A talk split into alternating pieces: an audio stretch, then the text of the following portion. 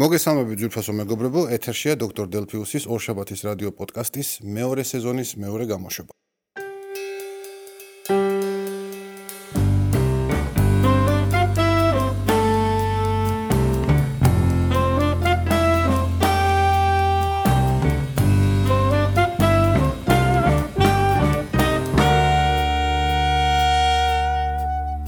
დღეს 9 სექტემბერია, ორშაბათი როგორც ყოველთვის, და ჩემი გადაცემას მე ვიწერ კლავ ოფისში სამსახურში დილის საათებში, როდესაც ჯერჯერობით ჯერ კიდე არავინ არ არის მოსული, ვინაიდან არ დაწყებულა ოფიციალური სამუშაო საათები. ეს მე ვარ ერთი მარტო ესეთი უცნაური ადამიანი რბილად რო ვთქვა, რომელსაც დილით სამსახურში მოუჩქარია. მართლაც სიმართლე რო ითქვა, დილის 6 საათზე როდესაც დგები, ცოტა სივარჯიშებ, ისაუზმებ, რაღაცა მოწესრიგდები. აა პრინციპში რა უნდა გააკეთო სახში. როდესაც არ გაწუხებს სხვა სახის საოჯახო საქმეები, სრულიად თავისუფლად შეიძლება რომ სამსახურში წამოხვიდე და გააკეთო როგორც სამსახურის, ასევე შენი რაღაც საკუთარი საქმეები, რაზეც რაზეც სამუშაო საათებში დროს ვერ და არ დახარჯავ. აა და სახში კიდე ყოველთვის არ ხერხდება ამის გაკეთება. ნუ ეს ისე, უბრალოდ ლირიული გადახვევა თემიდან. აა თემა, რომელზეც დღეს ჩვენ ვისაუბრებთ, თემები უფრო სწორად. ნუ მრავალმხრივია, რამდენიმეა, აა მაგრამ ყველაზე მთავარი, რა თქმა უნდა, არის ხვანდელი ღონისძიება. Apple-ის მიერ, რომელსაც Apple ჩაატარებს 10 სექტემბერს სამშაბათს, თბილისის დროით 9 საათიდან 21 საათიდან უბრალოდ, ანუ საღამოს დაიწყება. ეს არის Apple-ის სპეციალური ღონისძიება, სადაც წარმოდგენილი იქნება ახალი პროდუქტები. აა თუ რა პროდუქტები იქნება კონკრეტულად, ჯერჯერობით არავინ არ იცის, არის ვარაუდი, ну, ისეთი მაღალი ალბათობის შემცველი ვარაუდი, რომ ეს იქნება ახალი iPhone-ები, iPhone-ები მრავლობითში და არა მხოლობითში, იმიტომ რომ აა ბოლო 6 წელია ჩვენ ყოველწლიურად ვხედავთ აა ასეთ სპეციალურ ღონისძიებაზე მხოლოდ ერთი ახალი მოდელის წარმოქმნას. აა მოდით მაინც ჩამოვთვალოთ ფილმი თუ არ იცის. ყველაფერი დაიწყო 2007 წელს იანვარში, როდესაც სტივ ჯობსმა წარმოადგინა ჯერ მხოლოდ აა პუბლიკისთვის, ფართო საზოგადოებისთვის, თუ რის რისი გაყიდვის დაწყებას აპირებდნენ ისინი საფხულიდან. აა ეს იყო iPhone 2G, რომელსაც ზოგი iPhone 1-საც ეძახის, ну უბრალოდ მისი ოფიციალური კომერციული დასახელება არის iPhone 2G. აა ის გახდა, ასე ვთქვათ, ის გარდატეხის წერტილი, ეს მოდელი ამ Apple-ის ეს iPhone-ი გახდა ის გარდატეხის წერტილი ზოგადად smartphone-ების ინდუსტრიაში, რომელიც კარდინალურად შეცვალა მთლიანად ბაზარი და რამდენიმე კონკურენტი უკვე გაუყენა იმ გზას, საიდანაც აღარ ბრუნდებიან. აა კერძოდ BlackBerry, როგორც იცით უკვე, ძალიან ძიმედ გამორობაშია, ხოლო Nokia-ს ის დივიზიონი, რომელიც უშუალოდ დაკავებული იყო მობილური ტელეფონების წარმოებით, შექმნით, შეიძინა კომპანია Microsoft-მა. აა ხაზოგი იტყვის განსაკუთრებით კომპანია Microsoft-ის მოყარული თუ კი ესეთი რა თქმა უნდა არსებობს. აა ბევრი ერთი ორი რო არსებობს, ვიცი, ბევრი არ ამგონია. აა ხო და ეს მავანი იტყვის, რომ კი მაგრამ მე რა რა ეს არ ნიშნავს იმას, რომ თქვა Nokia-ს ტელეფონები აღარ იარსებებს პირიქით, ისინი Microsoft-ის ეგიდით კიდევ უფრო კარგები გახდებიან. აა მერტმა გისმინოთ რომ იყვიან გისურვებთ რომ თქვენი საყვარელი კომპანიის აა საყვარელი smartphone-ები კიდევ უფრო კარგი გახდეს თქვენთვის რა თქმა უნდა. აა სიმართლე გითხრათ აა ნაკლებ მოსალოდნელი და შესაძლებელია რომ Nokia-s მარკის ქვეშ აწუყვე Microsoft-ის მიერ გამოშვებულმა ტელეფონებმა ბაზრის რაიმე სერიოზული წელი ოდესმე დაიკავონ, თუ რა თქმა უნდა არ მოხდა სასწაული. ეხლა მე კი ძალიან გადაუხვიე თემიდან, მაგრამ ამ თემ ამას მინდა შევეხო, ვინაიდან გასულ კვირას ამაზე საუბრის საშუალება არ მომეცა. აა როგორც კი Microsoft-მა შეიძინა Nokia, ну, უბრალოდ არ დასრულებულა ეს პროცედურა. აა შესაძლოა რამდენიმე თვე დასჭირდეს ამ ყველაფერს, იმიტომ რომ აქ საკმაოდ სხვილ თანხებზეა საუბარი. მე იმ წუთში გამიშლე ერთი მე მგონი ძალიან მარტივი აზრი. აა და როგორც ცნობილია, ყველაფერი მარტივი არის გენიალური და ის არის სწორი.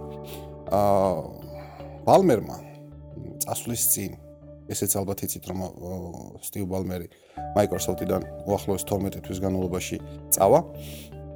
განაცხადა ერთ-ერთ თავის ინტერვიუში რომ კი არსებობს გარკვეული სახის პრობლემები Windows Phone-თან ამ მოდელთან დაკავშირებით, ამ ოპერაციო სისტემასთან დაკავშირებით. ეს არის უკვე მეორე მცდელობა, რომ კომპანია Microsoft-მა smartphone-ების ბაზარზე ასე ვთქვათ, ფეხი მოიკიდოს და Valve-მა განაცხადა ერთი საინტერესო რამ. არ გამორიცხავს, რომ Microsoft-მა ყველაფერი კლავ ნულიდან დაიწყოს ახალი ფურცლიდან. მაშინ ჯერ კიდე არ იყო ცნობილი, რომ Nokia-ს შეიძენდა, თუმცა რა თქმა უნდა, Microsoft-ს ეს გუშინ და გუშინ წინ არ მოუფიქრებია, ორი წლის განმავლობაში ეს ყველაფერი გეგმოზუმიერად მიდიოდა ესეთი ლოგიკური დასასრულისაკენ. აა მე მგონია, მაგრამ Microsoft-ი გააკეთებს შემდეგს, ან უფრო სწორად უნდა გააკეთოს შემდეგი, თუ კი უნდა რომ რაიმეს მიაღწიოს ოდესმე აი ამ ბაზარზე. აა მე უნდა გადაუსვას ხაზი Windows 7-ს და მის ყველა ქვევერსიებს. უნდა გადაუსვას ხაზე Windows 8-საც, მობილურ ვერსიაზე მაქვს საუბარი, რა თქმა უნდა, და არა დესკტოპურზე. აა და მართლაც ყველაფერი დაიწყოს ნოლიდან. აა Nokia უბრალოდ მისიის დივიზია, რომელიც მან ახლა შეიძინა, საკმაოდ კარგი სპეციალისტებით არის დაკომპლექტებული იმისთვის, რომ მათ შექმნან ღირსეული, კარგი აპარატურული უზრუნველყოფა და რაც შეეხება პროგრამულ უზრუნველყოფას, Microsoft-მა უნდა გააკეთოს იგივე, რაც გააკეთა აა Apple-მა თავის დროზე 2006 წელს, როდესაც მან PowerPC პროცესორებიდან თავისი დესკტოპები გადაიყვანა Intel-ის პროცესორებს. და მიუხედავად ამისა, მიუხედავად იმისა, რომ ეს ორი პროცესორი კარდინალურად განსხვავდება ერთმანეთისაგან, Apple-მა მოახერხა და რამდენიმე წლის განმავლობაში უზრუნველყო კოდის თავსებადობა. აა ანუ გამოდიოდა აა რა თქმა უნდა გამოდიოდა პროგრამული უზრუნველყოფა რომელიც იყო მხოლოდ PowerPC-ისთვის განკუთვნილი და ის რა თქმა უნდა Intel ვერსიაზე არ მუშაობდა. გამოდიოდა Intel ვერსიებიც რომლებიც არ მუშაობდა PowerPC-ზე მაგრამ გამოდიოდა soft-ის საკმაოდ დიდი ნაწილი რომელსაც ეწერა მითითებული იყო Universal Binary. ანუ აა შიგნით მოთავსებული იყო კოდი როგორც ერთი პროცესორისთვის, ასევე მეორე პროცესორისთვის. და შესაბამისად, მომხმარებლისთვის ეს არ იყო აბსოლუტურად მნიშვნელოვანი. მან შეიძლება საერთოდ არ იცოდა რა არის პროცესორი და რომელი პროცესორი აყენია მის Mac-ში, მაგრამ აპლიკაცია მუშაობდა მისთვის აბსოლუტურად გამჭირვალედ.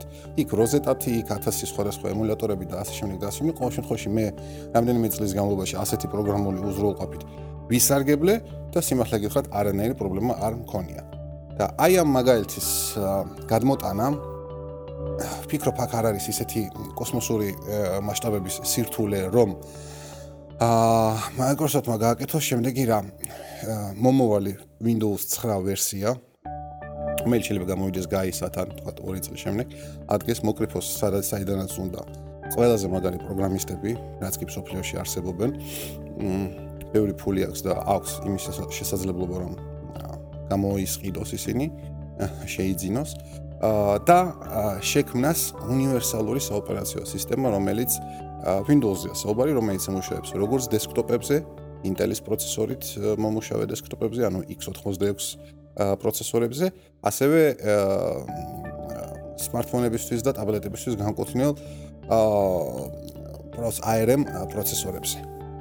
და გახადოს თავისი საოპერაციო სისტემა Windows-ი უნივერსალური, რომელშიც იქნება კოდი როგორც ერთი სისტემისთვის, ასევე მეორე სისტემისთვის და რაც ყველაზე უფრო მნიშვნელოვანია, შეუქმნას დეველოპერებს, მესამე ასე ვთქვათ, third party დეველოპერებს იმის საშუალება, რომ აა მათ წერონ პროგრამული უზრუნველყოფა ან გადააკეთონ არსებული მინიმალური აა ძალისხმევით და მინიმალური დანახარჯებით აი ესეთი უნივერსალური პლატფორმისათვის. მხოლოდ და მხოლოდ აი ამ შემთხვევაში შესაძლებელი იქნება ვისაუბროთ აა Microsoft-ის მხრიდან ბაზრის რაიმე სერიოზული წელის დაკავების შესაძლებლობაზე. და სიმართლე გითხრათ, მე ამაზე უკვე არაერთი ხანია ვსაუბრობ და პიონერი ამ თვალსაზრისით მაინც კანონიკალი გახდა თავისი Ubuntu-თი, ანუ პრაქტიკულად მაინც Linux-ით, როდესაც ის ცდილობს შექმნას აა ერთიანი სივრცე დესკტოპებისთვის, ტაბლეტებისთვის და smartphone-ებისთვის და ასევე შეუქმნას დეველოპერებს საშუალება წერონ უნივერსალური აპლიკაციები აი ამ სამი სისტემისთვის გამჭოლად. ეს ძალიან საინტერესოა. ზოგადად მე ადრეც მithქვამს და ეხლაც ვიმეორებ, რომ ჩემთვის ძალიან ძალიან საინტერესო იქნება სიტუაცია, როდესაც მე ჯიბეში მიდევს smartphone-ი. არ აქვს ამას მნიშვნელობა რა ფირმის და რა პლატფორმის, smartphone-ია, რომელსაც ქუჩაში ვარ და ჩაოლებრივ smartphone-ად ხმარობ, მივიდივარ ოფისში ან სახლში და ორივეგან მაქვს უბრალოდ მონიტორი, კლავიატურა, მაუსი.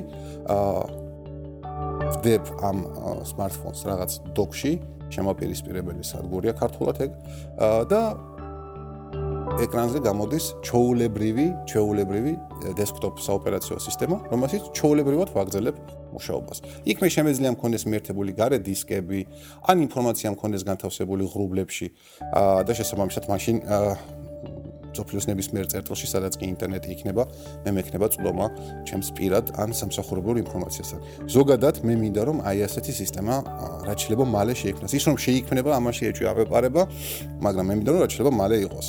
და რა თქმა უნდა მირჩევნია რომ ეს იყოს Apple-ის მიერ გაკეთებული. თუმცა აა Linux სისტემაზეც და Windows სისტემაზეც კი ჩემთვის ფრიად საინტერესო იქნება ასეთი პლატფორმის როგორც მინიმუმ მრავალი თვის განმავლობაში დატესტვა და ნახვა თუ რამდენად ის ჩააბარებს გამოცდას. მოკლედ, გამიგძელდა სიტყვა Windows-ზე, Palmer-ზე, Microsoft-ზე და Nokia-ზე საკმაოდ ვისაუბრეთ. მაგრამ დაუბრუნდეთ ჩვენს ძირითად წყარო ხაზს ხვანდელ ღონისძიებას, რომელსაც Apple ჩაატარებს ხვალ თბილისის დროით 21 საათიდან და სადაც სავარაუდოდ წარმოდგენილი იქნება iPhone-ები. მე უკვე ვთქვი, რომ 2007 წელს გამოვიდა პირველი iPhone-ი, მე ყოველწლიურად გამოდიოდა ახალი და რაც მნიშვნელოვანია, მეორე და მესამე თაობის iPhone-ები, რომელსაც ერქვათ 3G და 3GS-ი, იყო პლასტიკატის корпуსში. უფრო სწორად უკანა ხופი ქონა პლასტიკატის. აა პირველი იყო ლითონის, 2G და მე უკვე მე-4, 4S და 5 უკვე იყო შუშის ასე ვთქვათ, უბრალოდ 4 და 4S იყო შუშით. აა შუშის უკანა ხუფით ხო 5-ში კლავ ლითონი აა გაურიეს, ასე ვთქვათ. აა წელს ჩვენ გველოდება ძალიან საინტერესო სიტუაცია, რომ შესაძლოა ვიხილოთ ახალი, სრულიად ახალი საოპერატო ახალი მოდელი iPhone-ისა.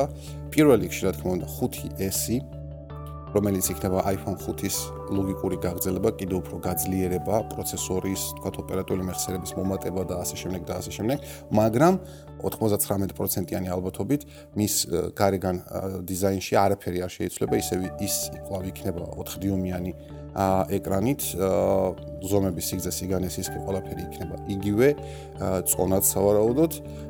უბრალოდ იქნება უფრო მძლავრი. და შესაბამისად iPhone 5 მოიხსნება წარმოებიდან. 4 და 4S-იც მოიხსნება წარმოებიდან და რატო აა ჟონავს და ჟონავს მთელი ამ რამდენიმე თვის განმავლობაში ინტერნეტში ინფორმაცია იმის შესახებ რომ Apple ამზადებს აა 5C მოდელს რომელსაც კვლავ ექნება პლასტიკატის უკანა ხუფი თუმცა ეკრანის ზომები და გაბარიტები და იგივე იქნება აბსოლუტურად რაც iPhone 5-ის ან 5S-ის შემთხვევაში და იგივე iPhone მეხუთე თაობის iPhone iPod Touch-ის შემთხვევაში. რით არის განპირობებული. რა თქმა უნდა, ეს ძალიან ისეთი თემა იყო მრავალი თვის განმავლობაში ჩვენი ეფლისტების ჯგუფში, რომელსაც ჯემოგი ქვია, რომელიც Facebook-ზეა განთავსებული, არ ცხრებოდა ბატალიები იმასთან დაკავშირებით. ზოგი ეძახდა, რომ მე კატეგორიულად წინააღმდეგი ვარ პლასტმასის корпуსისა, თუმცა რატომღაც ამ ხალხს ავიწყდებოდა, რომ 3G და 3GS-ი პლასტმასში იყო ჩასმული. ზოგი ეძახდა, რომ ძალიან კარგია და მეც მათ რიგებს მივეკუთვნები, რომ დიდი სიამოვნებით შევიძენ ამ 5C-ს. რატომ გამოდის ეს მეორე მოდელი? მეორე მოდელი არის უფრო იაფი მოდელი. ყოველ შემთხვევაში არის ასეთი ვარაუდი.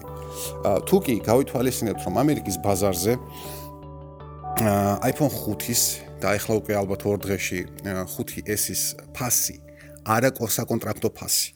რომელიც ჩვენთვის არაფრის თქმელი არ არის, ეს 199 დოლარი ძალიან ბევრ ადამიანს აბნევს ხოლმე და ეძახის. იცით რა ამერიკაში 200 დოლარი ღირს და ითქვენ აქ ვიღაც და ჩამოთვის მე კომპანიებს, რომლებიც ყიდიან iPhone-ებს, ყიდით 1500 ლარა, 1700 ლარა და ასე შემდეგ და მიდის უკ მე უკვე კაპიტალი გახრწნილი კაპიტალიზმის აა ლანძვაგინება, რა თქმა უნდა, კაპიტალიზმი გახრწნილია და საქართველოსი ის გახრწნილია კიდე უფრო მეტად ვიდრე სხვა გახრწნილ კაპიტალისტურ ქვეყნებში, მაგრამ აა ერთი მაინც უნდა ითქვას, რომ 200 დოლარიან iPhone iPhone-ს არანაირი შეხება არ აქვს საქართველოსთან, ან საერთოდ სოფლიოს სხვა ქვეყნებთან, ვინაიდან ის არის კონკრეტულ ოპერატორზე დაბლოკილი და მიბმული ტელეფონი. და თქვენ 18 თვიან ხელშეკრულებას აფორმებთ, როგორც კი ამ 200 დოლარს გადაიხდით და შეიძენთ ამ ტელეფონს, 18 თვით აფორმებთ ხელშეკრულებას ოპერატორთან და იხდით ყოველთვიურად სხვადასხვა პაკეტიდან გამომდინარე 50-დან სადღაც 100 დოლარამდე. ანუ საბოლოო ჯამში თქვენ ტელეფონის ღირებულება სადღაც 2000 დოლარამდე აგდით. რაც რა თქმა უნდა, ну, ახლა ამაში შედის რა თქმა უნდა, სასაუბრო დრო, ინტერნეტის დრო, SMS-ის დრო და იქ მთელი რიგი პაკეტებია რაღაც მომსახურებების და სერვისებისა, რაც ჩვენ არაფერს არანაირად არ გვაინტერესებს. რაც შეეხება განბლოკილ არა ოპერატორზე მოდელს, ამერიკაში იზღის 659 დოლარი პლუს იმ შტატის გაყიდვები გაყიდვის გადასახადი კონკრეტული ციფრი, რომელიც შტატიდან შტატში იცვლება, რა თქმა უნდა, ну ყველაზე მაღალი არის დაახლოებით 9%-ამდე ნიუ-იორკში, თუმცა არის ორი შტატი, ეს არის დელავერი და თვარსტები ვაიომინგი, სადაც ეს გადასახადი არ არსებობს. აა, სწორედ მაგიტომაც აქვს USA to Georgia-ს თავისი ოფისი დელავერში, რომ ეს შტატის გადასახადი არ დაგვემატოს ჩვენ საკროლის შეძენისას. ხო და ეს პლასმასის iPhone-ი სავარაუდოდ უნდა ღირდეს 299-დან 359 დოლარამდე. არის სხვადასხვა მოსაზრებები, ხალხი რა თქმა უნდა იძახის, რომ არა ის 299 აღირება, ეს რა თქმა უნდა სურვილი, ეს არის სურვილის რეალობად ჩვენება, მაგრამ მე მაინც ვფიქრობ და მგონია რომ Apple ამ მოდელზე 16 გიგაბაიტიან მოდელზე 359 დოლარს დააწესებს და ნუ მე შესაბამისად რაღაც თქვა 32-დან 64 გიგაბაიტიანი მოდელებზე გააკეთებს შესაბამის პასის მატებას. ვინაიდან ის 659 დოლარიც 16 გიგაბაიტიანი ღირს, მე 759 ღირს 32-იანი და 859 ღირს 64 გიგაბაიტიანი. არის კიდევ ასევე საზრება იმასთან დაკავშირებით, რომ შესაძლოა 16 გიგაბაიტიანი მოდელები საერთოდ გაქრეს. აა გაყიდვიდან და 32-64 და აწუკე 128 გიგაბაიტიანი მოდელები შემოგთავაზოს ეფხმა, რაც რა თქმა უნდა, კლავ პირველ ეს კარგი კარგი ნაბიჯი იქნება, ვინაიდან ჯერჯერობით არ არის ბაზარზე არც ერთი კომპანია, რომელიც პირდაპირ 32 გიგაბაიტიან მოდელს თავაზობდეს თქვა 16-იანის აა გარეშე. თუ არის ესეთი და მე ვთქვა გამომჩა, მაშინ თხოვთ კომენტარებში მიუთითოთ და მე აუცილებლად ამ შეცდომას გავასწორებ და შემდგომ გადაცემაში გავაჟღერებ, როგორც ამას ჩვენი ვაი ჟურნალისტები იტყვიან ხოლმე. აა ეხლა ხვალდელი ღონისძიების შესახებ.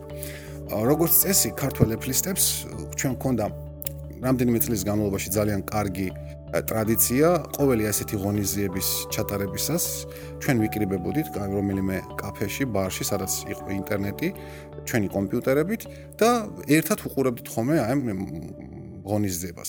მაშინ ჯერ კიდევ Apple-ს არ ქონდა ვიდეოს ტრანსლაციის ფუნქცია და ჩვენ შევდიოდით რომელიღაც უცხოურ საინფორმაციო საიტზე როგორც წესი ტექნოლოგიურ საიტზე, თქვათ Engadget-ზე, Gizmodo-ზე და ასე შემდეგ.